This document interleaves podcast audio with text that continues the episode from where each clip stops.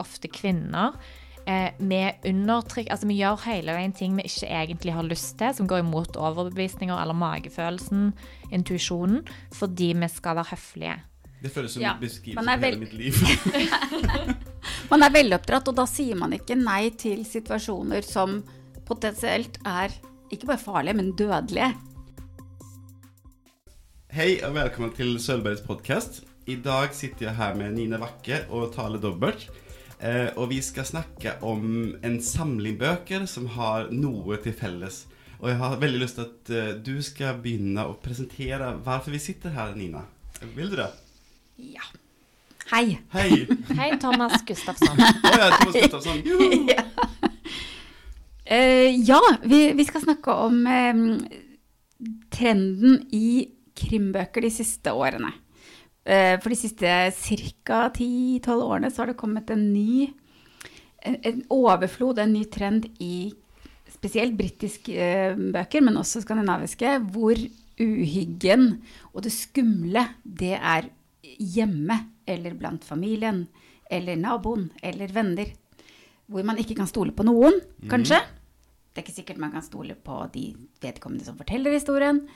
Um, og dette er nokså likt eh, og har eh, er tilbake igjen til de gotiske romanene som kom på 1700- og 1800-tallet. Der var det som regel kvinner i store hus med familie og andre som stort sett ofte eh, hadde en ond plan.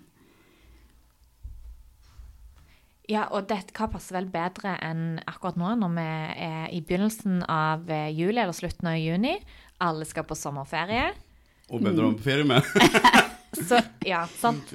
Her er, her, her er temaet da at du ikke kan stole på noen. Ikke dra på ferie med noen. Nei, de har en plan. Ja, for vi, vi har snakket om liksom også, hva, hva, skal vi kalle denne podkasten, podcasten liksom. Altså, för det begynte med, det første arbeidsmøtet vi hadde, var kalte jeg for 'Slekten er verst'. Mm. Men så passet det, det dekket ikke helt. Og så eh, var det sånn 'Aldri dra på ferie. Eller så var det liksom eh, ikke stå på noe noensinne. Og det kanskje er det nærmeste vi har kommet eh, hva vi skal kalle eh, episoden. Og, og dette er noe som Åsmund pleier å gjøre, men han er på ferie nå. Så, så ni som eh, på dette nå, ni vet jo hva podcasten er kalt. Men vi tre som sitter her og spiller inn, vi vet ikke helt. Men eh, temat er eh, egentlig eh, ikke dra på ferie med noen du kjenner. Kanskje stranda hjemme helt. Men ikke i det store huset med de du bor med. Det er vanlig, fordi de dreper deg. Um, Eller de har i hvert fall en ond plan. de har en ond Eller plan. flere. Ja, det er ikke alltid dreping. Det Nei, kan nei, også nei. være noe annet ondt. De vil Eh, deg ikke vel. Og dette, denne ideen tente særlig Tale veldig på. Og jeg tror at du, at du forførte henne veldig med det, blant inn det gotiske. Sant? Så vi, vi, har, vi har snakket kjempelenge om å gjøre denne ideen, og så nå har vi endelig tid, alle tre, og gleder oss veldig til å eh, ha et, et, et sammenrask av forskjellige typer bøker. Noen klassikere, noen typiske krim, noen thrillere, noen gotiske.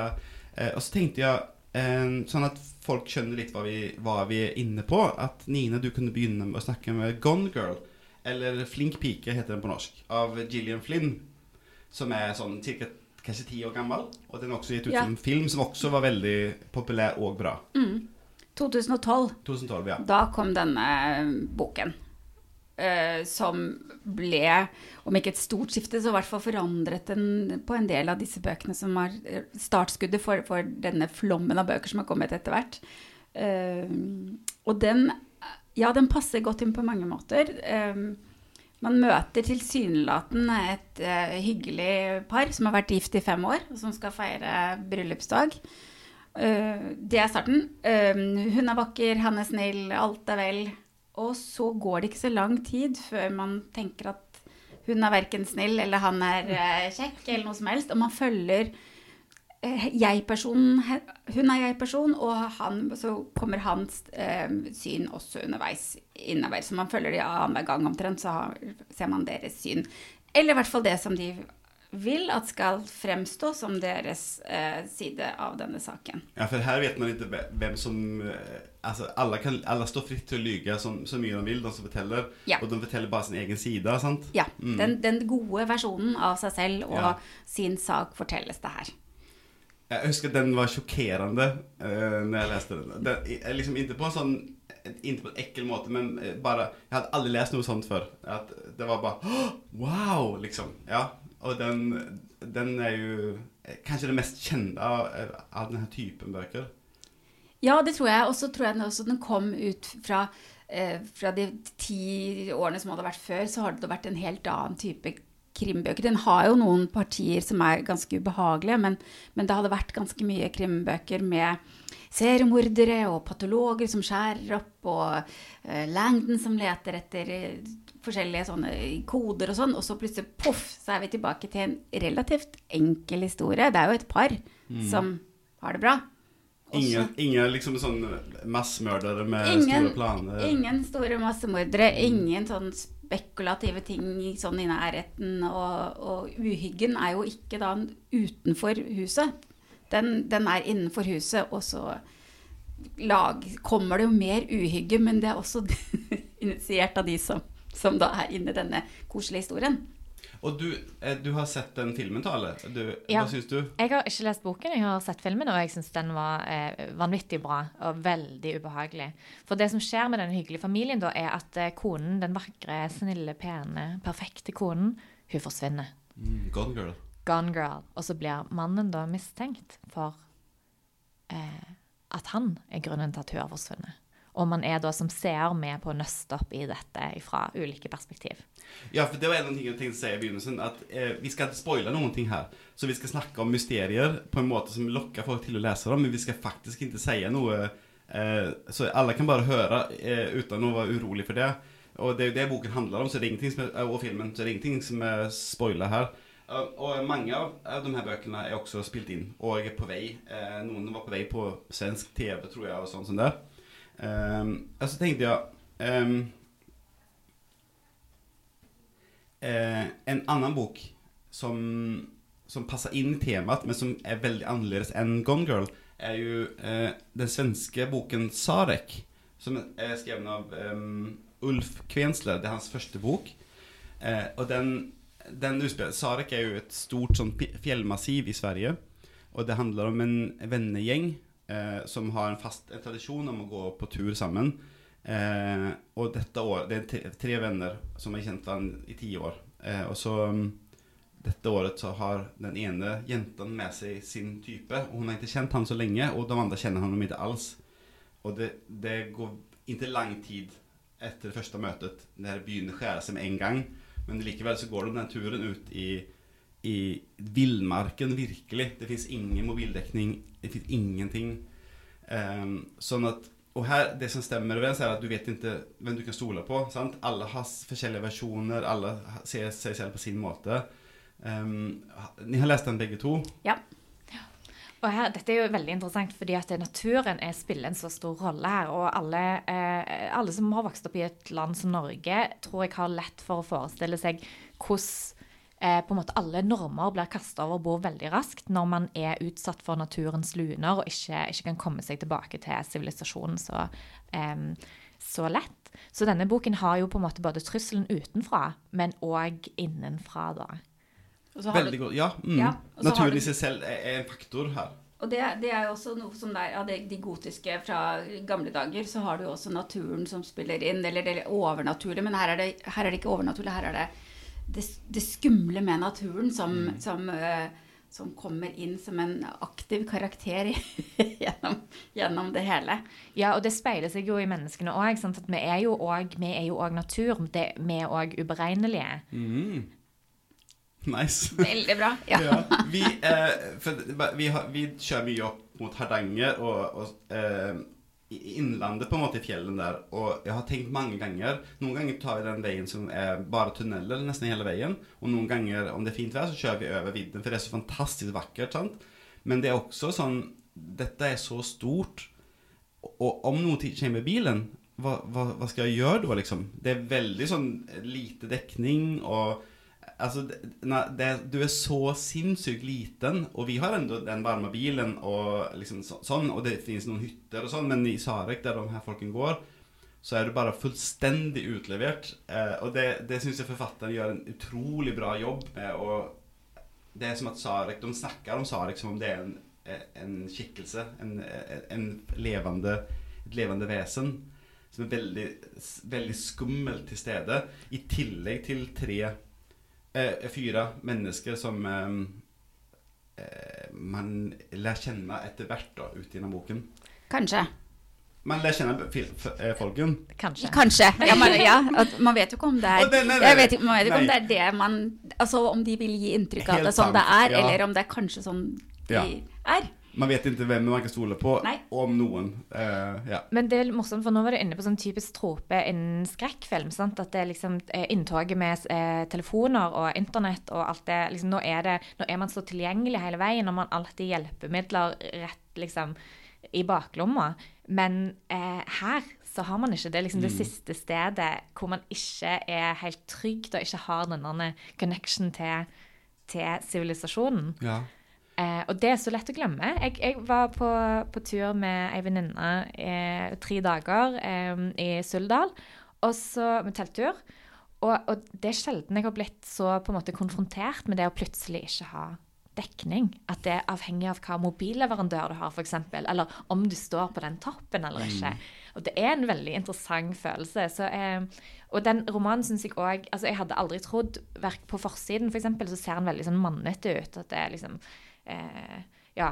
Um, og det har vi òg snakket litt om, at det, de ulike romanene vi eh, har lest, at det er ofte veldig tydelig fra forsiden hvem er det beregna publikummet. Men til tross for mye detaljer om liksom eh, eh, pakking og Teltplugger. teltplugger og alt mulig sånn turting, så er det en ekstremt spennende historie, uansett om man er interessert i det temaet eller ikke. Og det var virkelig sånn klassisk eh, krimopplevelse for meg, og jeg satt og liksom virkelig kjente det i magen og pusta litt raskt og sånn når jeg holdt på å lese den. Så dette er en, en roman med ekstremt høyt driv som er veldig spennende. Og man får, ja. Jeg, jeg skal bare si at Etterordet i, i den boken er også sånn at det er tydelig at forfatteren er kun, han kunnskapsrik eh, om fjell og klatring og sånn. Og det kjennes, du kjennes du er i trygge hender, fordi det, du stoler på det som han sier. Og selv om man ikke er interessert av det, så, så føles det det han sier, er ekte. liksom. Hva skulle du si? Ja, nei, jeg tenker også at Den har også det elementet at ja, du er ute i skogen eller på fjellet, det er kaldt, og ting blåser jo vekk, og man sitter der. Og så har Men, du- men den, det som man kanskje ville tenkt var Men jeg er jo med kjæreste, venner. Dette vil jo gå bra. For det gjør du jo alltid når du har med deg på venninnetur. Så tenker man jo Ja ja, man kan ikke ringe noen, men vi er jo to eller fem, eller hvor mange de nå Vi er. er sammen. Eh, Men det er jo heller ingen garanti for at dette skal eh, være bra. Mm. Så um, Så anbefalingen etter å ha lest denne boken er ikke dra med venner. Altså vil jeg si at eh, eh, de gjør, han gjør det så effektivt i boken med, med at nå forlater vi verden. Med at eh, de får færre og færre prikker på mobilen, og liksom det er en telefon som må tas. Og de, de, nær, de, de, de nærmer seg et sånn siste sånn eh, tårn der man kan ringe fra. Eh, altså liksom s- følge med på altså det, det, De gjør det veldig effektivt at nå er det slutt, og så tar de Når de tas videre med helikopter ut i fjellen, så er det sånn Nå er det slutt. Så jeg, jeg føler at selv om det, det tar jo lang tid før det er mye action, men det er likevel spennende fra en egentlig med en gang. Det er en veldig effektiv bok. Og det er jo et godt poeng, fordi det går jo igjen i flere av romanene at det handler om isolasjon på den ene eller andre måten. Og her syns jeg jo det er en god Segway til eh, en annen eh, novelle vi har lest. Oh, ja. Eh, The Yellow Wallpaper, Det gule tapetet, av eh, Charlotte Perkins Gilman. Og det er, er jo en historie som iallfall jeg hadde hørt om før, men aldri lest. Eh, fordi det er en feministisk klassiker og en klassiker innenfor gotisk litteratur. Og den er gammel. Den er fra 1892, eller hva var det? Stemmer, Ja. det er utgivelsesåret, ja. rett før uh, århundreskiftet. Mm. Og em, dette er da en eh, ganske kort novelle som er skrevet som dagboknotater. Og vi følger hovedpersonen som har dratt på ferie med ektemann og sitt lille barn. Eh, som Ektemannen er lege og har leid et sommerhus eh, for noen måneder. Um, og når de kommer der, så eh, bestemmer han at eh, hun skal bo i andre etasje sammen med han eh, på eh, et, stom, et stort rom med utsikt til flere, sted, altså flere steder. Altså hagen. Du har liksom store vinduer og veldig vakkert. Men det er et sånn gult, litt sånn flakete tapet i rommet. Og mm, det er noen spor langs veggen, og en seng som noen har bitt i. Så det er liksom Og sengen er skrudd fast i gulvet. skrudd fast i gulvet. Et sånn massivt møbel. Sant? Så du får litt sånn ganske Røde flagg. Ja, mange røde flagg her. sant? Og, eh, og fra begynnelsen av er det sånn at hun har egentlig lyst til å bo i et mye mindre rom i første etasje. Eh, men, men han er sånn nei, nei, da er det ikke plass til oss begge to. Og sånn. Og så viser det seg jo at grunnen til at de er i dette sommerhuset, er jo at hun har hatt eh, en periode med eh, lett depresjon og eh, tilløp til hysteri. Så eh, hun er der da for å rekonvalisere. Og eh, sånn man gjorde det på den tiden, og sånn hennes legemann eh, forskriver henne, er at hun må ligge eller hvile. Sånn, Så hun kan ikke lese, hun får ikke lese, hun får ikke skrive, som er det hun egentlig gjør. Eh, og hun får ikke treffe venner, for hun skal hvile og spasere. Så denne historien er jo egentlig et sånn innsideblikk på hvordan denne kvinnen eh, gradvis faller inn i galskapen fordi hun ikke har noe stimuli, og sitter og ser på dette gule tapetet og begynner å tenke hva er det, hva er det som er bak det, eller hva er det som skjer i det? Ja, um, jag, jag var ju rasande när jag läste den här boken. jag skrev, men, jag, jag begynte läsa lite för dig Tala och jag sa, och du bara nej, jag vill inte snacka om den. Men det är så där, jag, jag var rasande för hon blir ju på en måte hållit fangen eh, av mannen och de, eh, de inledda hjälparna då. Eh, hon får inte lov att göra det och det och det. Hon, hon, hon gråter för hon har lust att träffa vänner. För hon blir så glad med vännerna. Han bara nej, det är inte, nej du, du klarar det inte liksom. Men, och här också är det sånn eh, skiller seg veldig väldigt ut med at den er, Dels at den er så gammel, men også at det, det er jo ikke, Det er jo ikke et Det er ikke polititing på noen måte, sant? Men den er likevel sånn at du vet ikke hvem du kan stole på. Fordi eh, hun er kanskje eller kanskje ikke gal.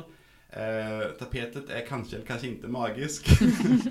så, eh, men det, så den passer inn den, Mannen er kanskje snill, Ja, eller ikke. Jeg vet Ja. ikke. Han er i hvert fall Mm. veldig Hva heter det på noe sånn overbearing? liksom Nedlatende, uh, syns jeg.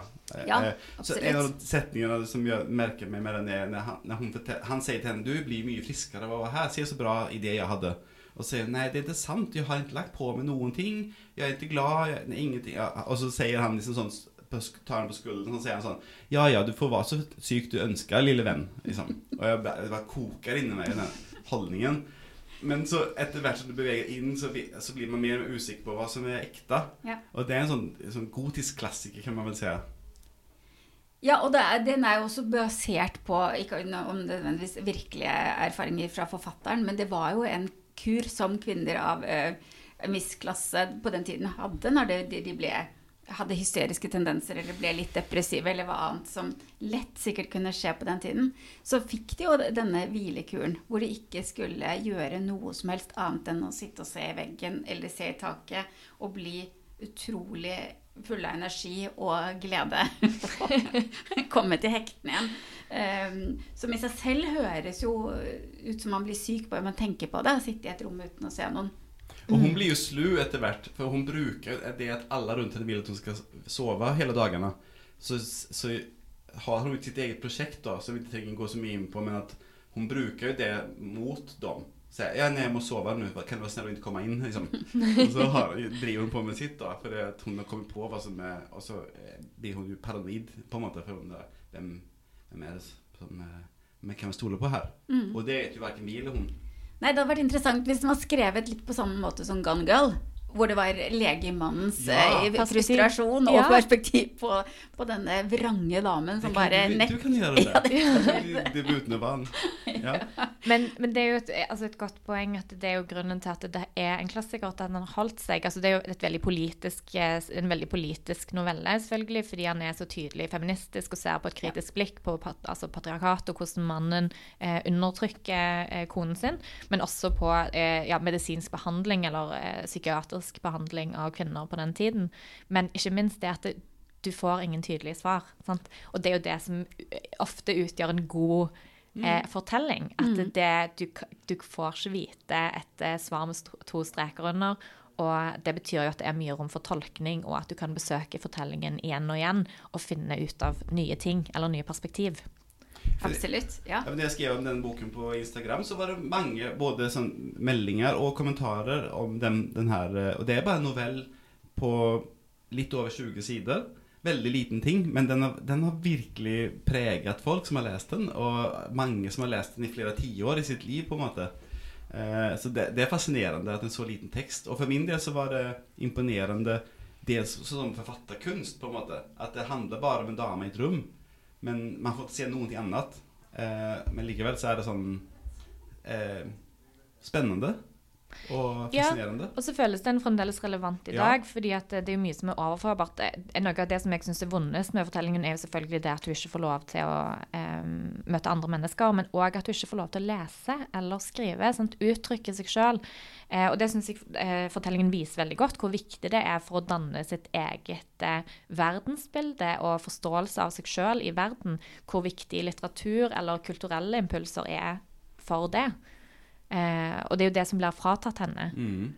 Eh, og det er jo òg noe som går igjen i mange av fortellingene eh, på en eller annen måte. At du eh, Og hun, eh, hun, har jo en tydelig Hun gir jo tydelig uttrykk for hva hun trenger. Ja, hun er, er veldig, hun, er, hun er, klar i kravene sine. Det er ikke noe ullent om det. Nei. Mens tilbakemeldingen er jo ganske Den er for så vidt ganske klar, den også. Men hun, ja, og særlig at hun trenger vennene sine. Og det er kanskje en sånn ting som går gjennom disse bøkene. At du trenger folk. Du trenger ikke nødvendigvis de som er rundt deg. Nei. Mm. Men du trenger noen hyggelige folk. Ja. Hun, da, som hun ler mye med, som hun ber om. Ja, mm. sant. Og det er jo noe som går igjen i flere av disse fortellingene. At eh, menneskene som eh, blir portrettert, de eh, har en magefølelse. Eller liksom de har De vet egentlig hva som er best for dem sjøl. Og av ulike grunner så må de, eller velger de å undertrykke den intuisjonen. Eh, og det går aldri bra. og det, det, føles som du virkelig har lagt opp til at jeg kan gå inn på neste bok. Og det er 'Elisabeth is Missing' eh, av Emma Healy. Den tror jeg ikke fins på norsk, eh, som jeg har funnet ut, iallfall. Eh, men hun også er jo på en måte holdt fangen. Eh, eh, men av, av, folk rundt seg som mener vel, men også av sitt eget hode, fordi hun har Alzheimers. Eh, tipper jeg. Altså hun har noen slags eh, eh, senilitet eller eh, eh, Ja. Og hun eh, Vi får ikke vite eksakt hvor gammel hun er, men hun har en datter på 50 og et barnebarn. og hun Hennes mann er død, og hun savner sin venninne Elisabeth. Og så får vi følge hennes etterforskning, må man jo kalle det, av inn i hva Elisabeth er hen. Og hun har jo ingen måte å følge en tankegang, for hun, eh, hun avbryter seg selv med, med liksom sånn Mens hun sitter og snakker med bussjåføren, så plutselig er hun tilbake på 40-tallet etter krigen, og da er hennes søster forsvunnet. Um, og så er vi tilbake igjen på, i nutiden, når hennes venninne er forsvunnet. Og så blander hun de to tingene litt, og hun, hun går ut og inn av dem. Hun er, hun er veldig eh, morsom og smart, eh, men også veldig forvirra. Eh, og hun, lemner, hun vet om at hun er syk, så hun levner ledtråd til seg selv hele tiden på små lapper. Og så iblant, iblant lurer hun seg selv. Eh, og så som ellers så står det 'No E'. Det betyr 'No Elisabeth'. Eh, de har vært et sted, og så har hun glemt å fullføre lappen. Men så tror hun, når hun ser den lappen neste gang, så tror hun at hennes familie skal sende henne til et pleiehjem i North England. så, så, liksom, og hennes datter er in, hun, hun, mener veldig vel, men hun er liksom irritert på henne, og det blir mye frustrasjoner.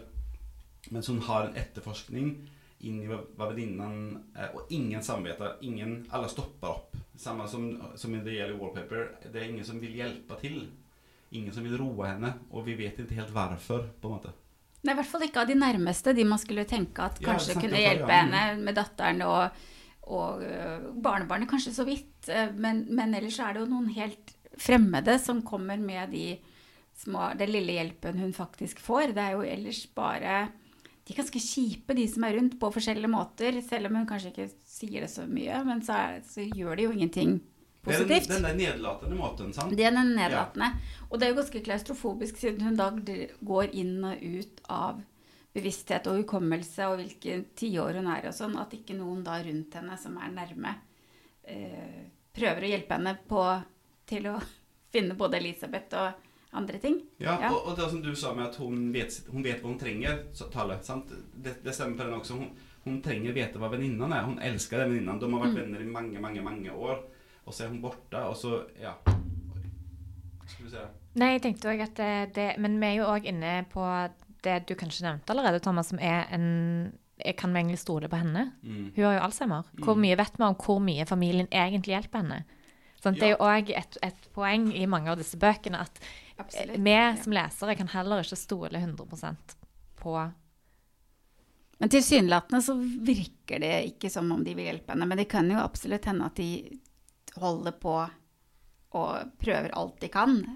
Men Men de- alltså, de, är ju, de, de tar jo inn henne i sitt hus. Altså, de er jo veld, de er gode mennesker, Men de, de har kanskje fått nok av hennes, hennes svam, svamling. Sant? At, eh, skjønner, og kanskje de har fortalt henne hvor hun er. For Ja. det får man jo også et inntrykk av at kanskje de allerede har snakket om dette 50 ganger. For politistasjonen så vet, kjenner, vet de hva hun heter.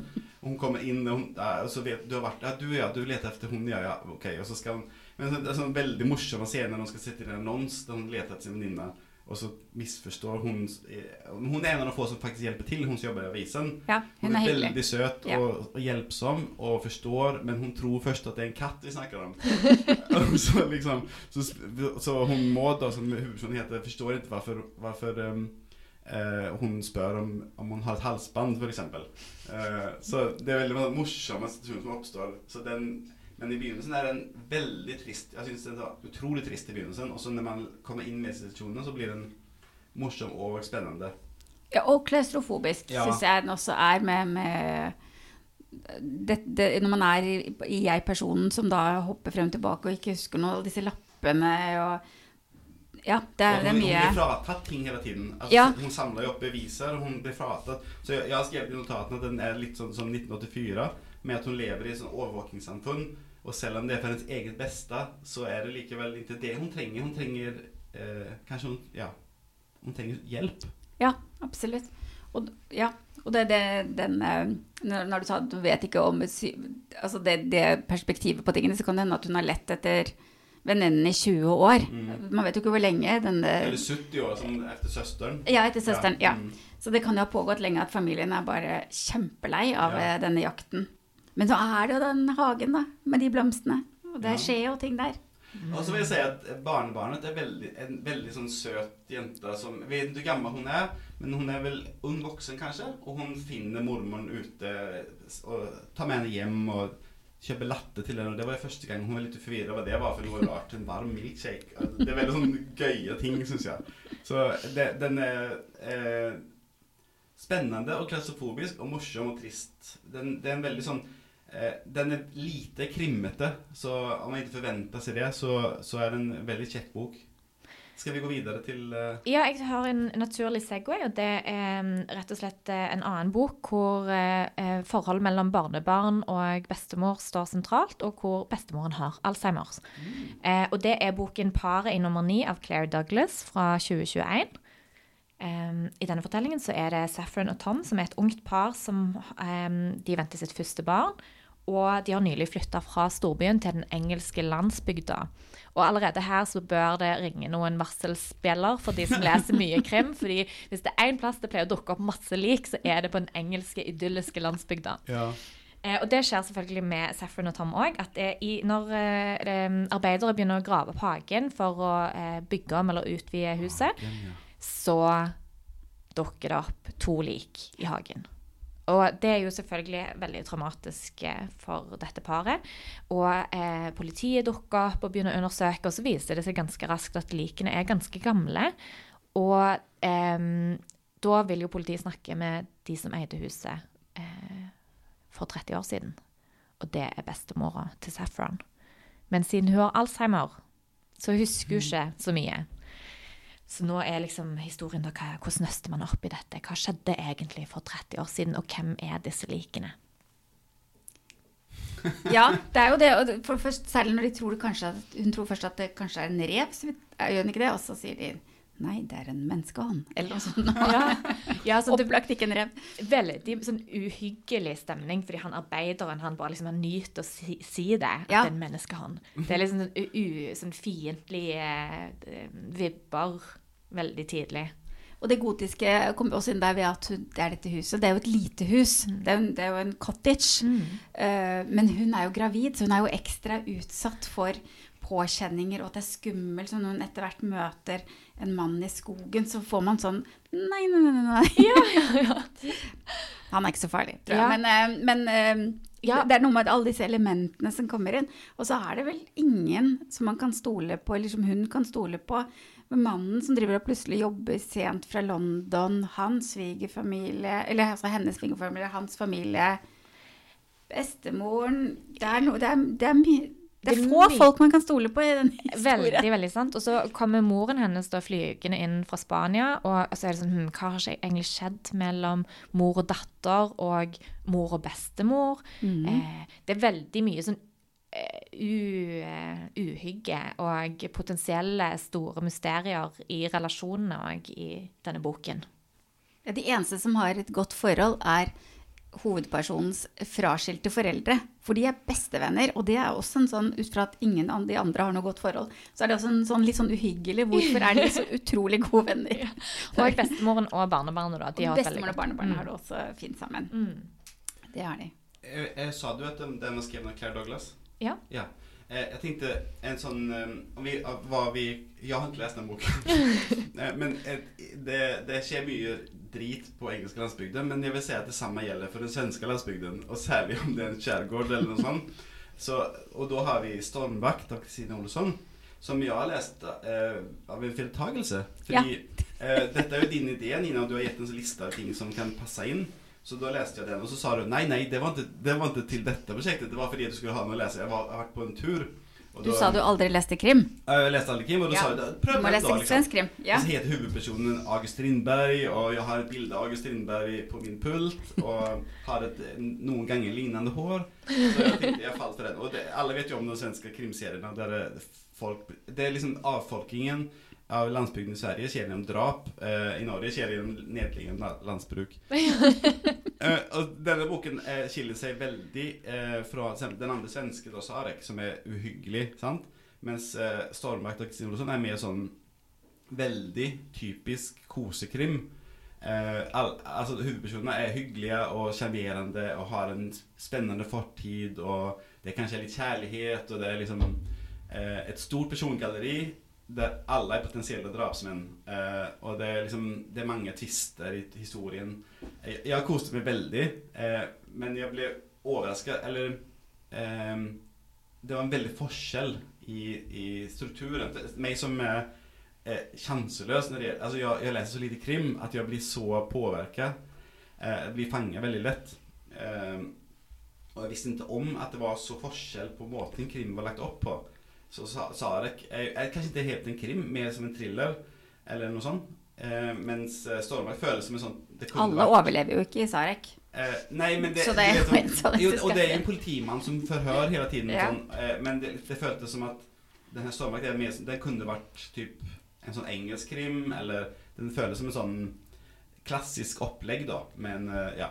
Ja, kan, kan vi få litt uh... Det er jo Oj, unnskyld. Ja, selvfølgelig. Eh, Det er en, en finansmann fra, uh, fra, Stockholm som har mista samboer og foreldre i løpet av kort tid Og gir opp sitt liv og flytta til sin barndoms... uh, uh han var, uh, sina bästeföräldrar när han var barn på en øy utenfor eh, på vestkysten i Sverige. Og han skal starte en, um, en eh, Eh, och allt går litt fel. Eh, den antikkhandelen eh, har oversvømmelse, så han må bo et annet sted mens han, mens han blir pussa opp. Og så eh, forsvinner en dame som heter Agnes eh, samme dag som han kommer. Og så får vi følge etterforskningen. Eh, hennes mann og sønn er veldig sentralt med, veldig misfornøyd med politiets jobb. Och så får vi liksom veta mer og mer om historien og vi får også se hennes dagbok. Så det er, liksom, det, det er mange vinkler här. Där man, men her også er det sånn, Hvem kan man stole på egentlig? Liksom? Hvem, eh, alle har noe eh, som ikke er rent mel i posen. Og de aller fleste av de er jo da eh, familien eh, til de det gjelder, eller naboene. Naboene er kanskje ikke så rart, for dette er et lite sted. Ja. Veldig idyllisk. Det spises reker, og det er måkeskrik, og man ser for seg masse blonde svenske folk som løper rundt. Eh, men, men det som kanskje er på den, som er, er i den nye trenden, er jo at det er helt sikkert noen du kjenner. Ja. Det er ingen som har kjørt forbi dette svenske idylliske stedet og, og tatt damen, eller gjort noe galt med henne, sånn utenfra. Man, man har jo et persongalleri, det er stort, men, men alle kjenner alle. Og så er det også et gammelt drap som spøker, bokstavelig talt, Ja. spøker i, i denne fortellingen. Uh, I det huset som han bor i, har, har noe forferdelig skjedd. Som er med hele tiden. Alle tar opp det. Hva med, hva med å se etter den? Men ingen forteller det til han før det har gått Ja. lang tid. Ja, han bare- vet ikke hva det er. Nei. Så eh, Den eneste egentlig man, det som man kan stole på i denne boken, er jo August Lindberg selv. Han, han kom utenfra så sent at det ikke kan være han, men ellers så vet man ikke helt. Ingen kan bokstavelig talt eh, Man vet jo ikke om han, det første han gjør, er å grabbe Agnes. sånn, ja. han faktisk kan være den Ja. farlige. Men eh, det, det, var en, det var veldig hyggelig, for jeg eh, det, var, det er sånn jeg tenker at krim er. eh, Og det er sånn eh, koselig. Jeg koste meg veldig. Um, og så har vi en av de bøkene vi har tenkt å snakke om, som er den siste på listen. er Jane Eyre eh, av Charlotte Bronte. Og så har vi en sånn eh, potensiell liste med ting vi kan nevne uten å snakke så lenge om eh, i slutten. da. Men, men om du har lyst til å gå inn litt på JNR, for det viser seg jo eh, at du er jo Jane Eyre-ekspert, og kanskje jeg vet ikke, Hva heter det Hva heter det før i tiden? Eh, eh, hovedfag, kanskje? Eller? Ja, hovedfag Ja. heter det. Ja, for, eh, for eh, nesten 100 år siden. Mm. L- litt eh, kort tid etter at Jenner ble skrevet, så tok jeg hovedfag på dette. Du har første Så, utgaven, liksom. ja, første utgaven av det. Og Jane Eyre er da skrevet av Charlotte Brontë, og den er kommet i 1847. eh, og denne har jo mye og Det er jo mange lag eh, og mange ting man kunne snakket om den.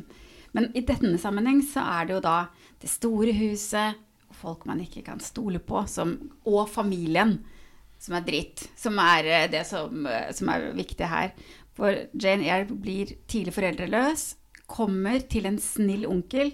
Han dør raskt, så det er den fæle, fæle tanten som oppdrar henne. Hun har fæle søskenbarn som er grusomme med henne.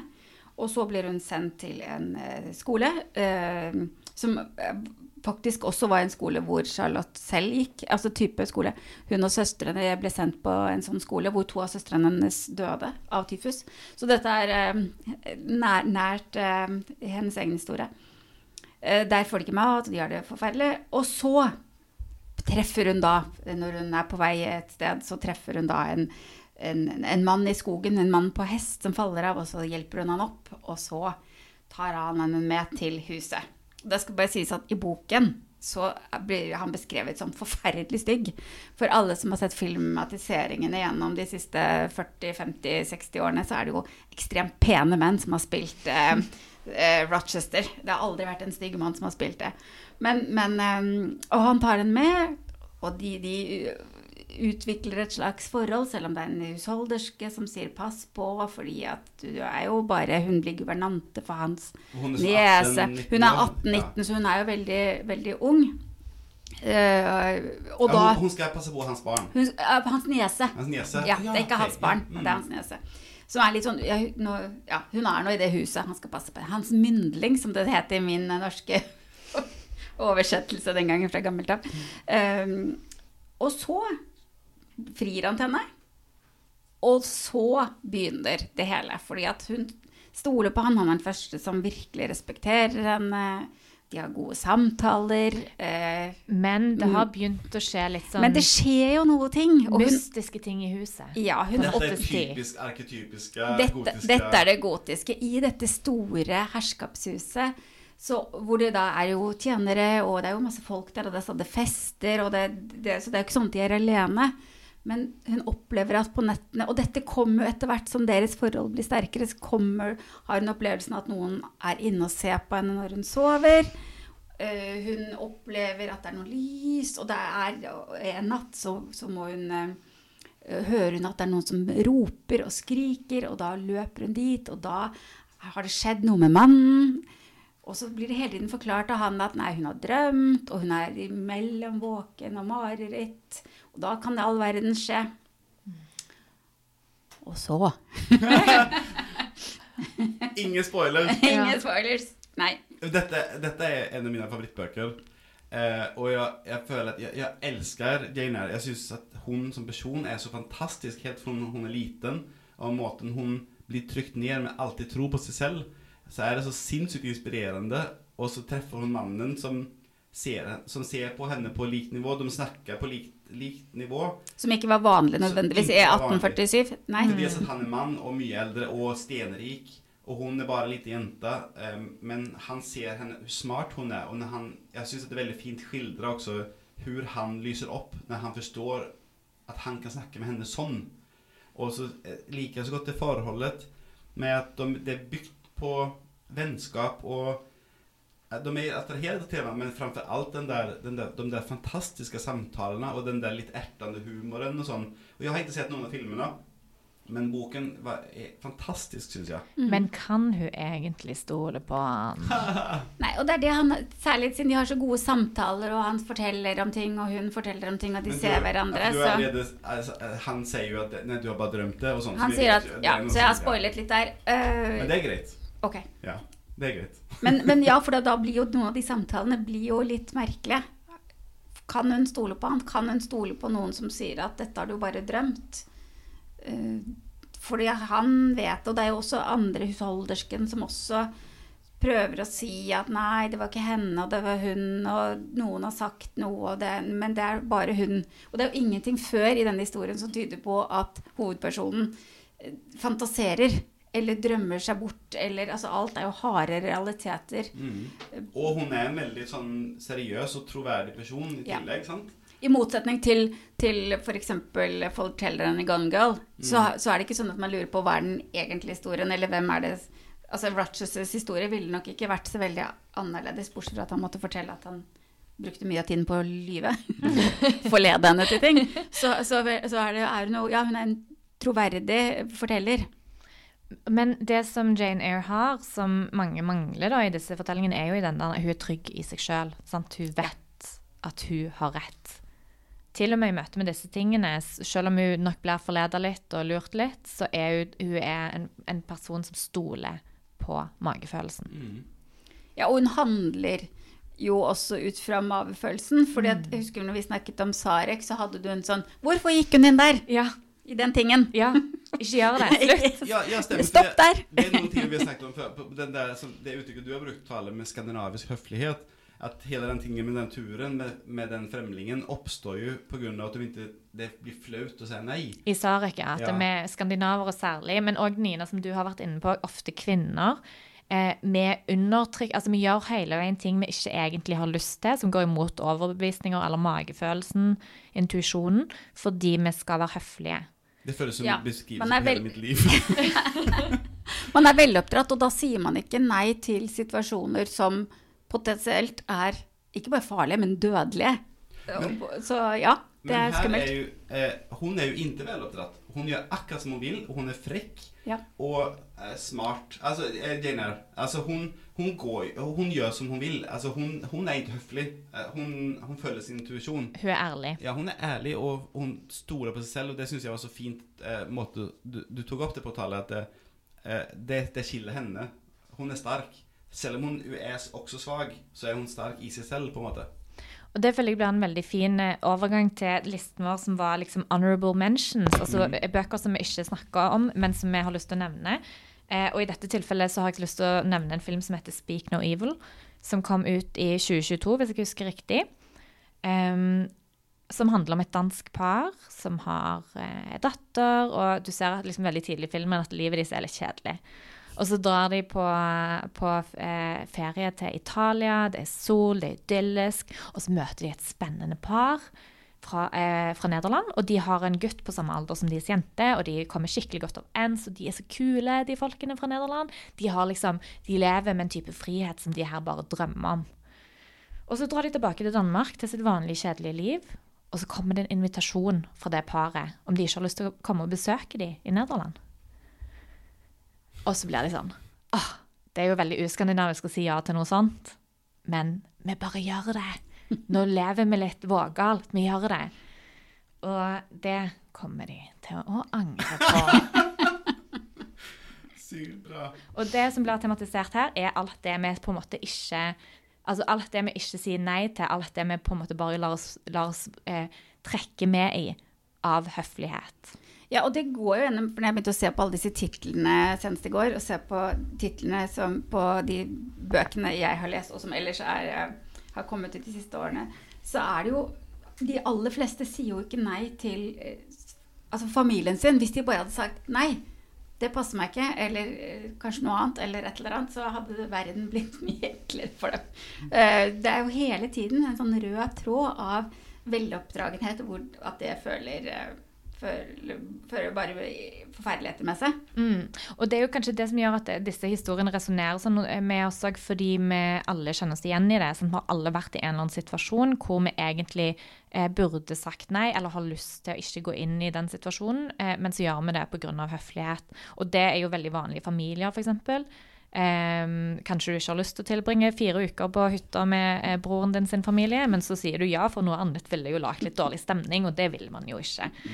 Um, mens her blir det liksom trukket til det ekstreme, da.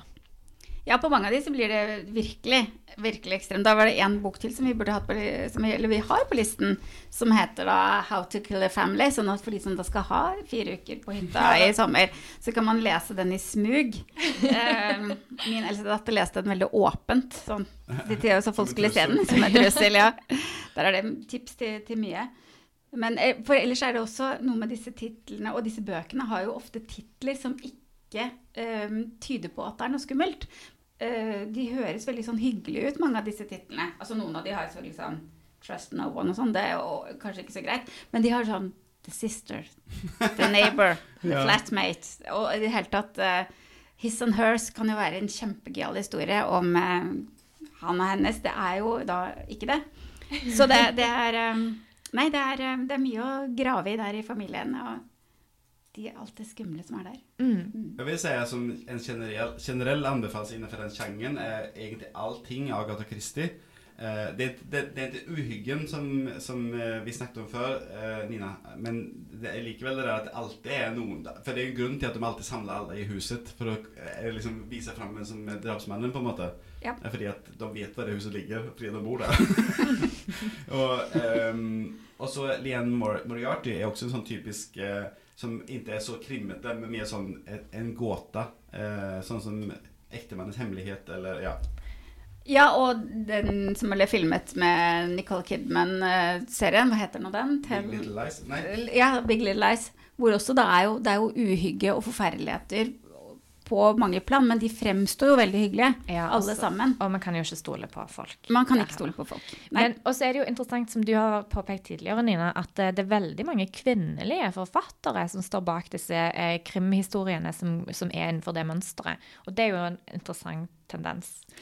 Ja, det, ja det, det er veldig merkelig at man nå For det var jo det vi begynte å snakke om, at eh, nå når kvinner i hvert fall i den vestlige verden, stort sett har fått de fleste rettigheter og sånn, så plutselig er krimbøkene nå knyttet til at uh, det eneste stedet det er farlig å være, det er hjemme. Ja. Ja.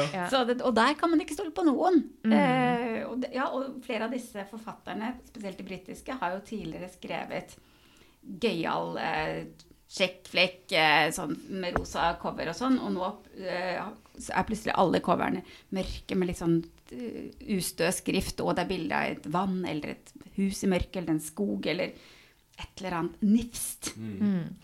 Nå er det sånn at vi må avslutte, fordi opptil flere av oss skal ha vakt her i biblioteket. Og fordi at Åsmund ikke er her og har hjulpet oss med det tekniske, så var vi en hel time forsinka. Eh, men vi klarte å løse det til slutt. Eller vi får se om hvordan det går, da. Men, men vi er en time på overtid, så vi trenger å avslutte.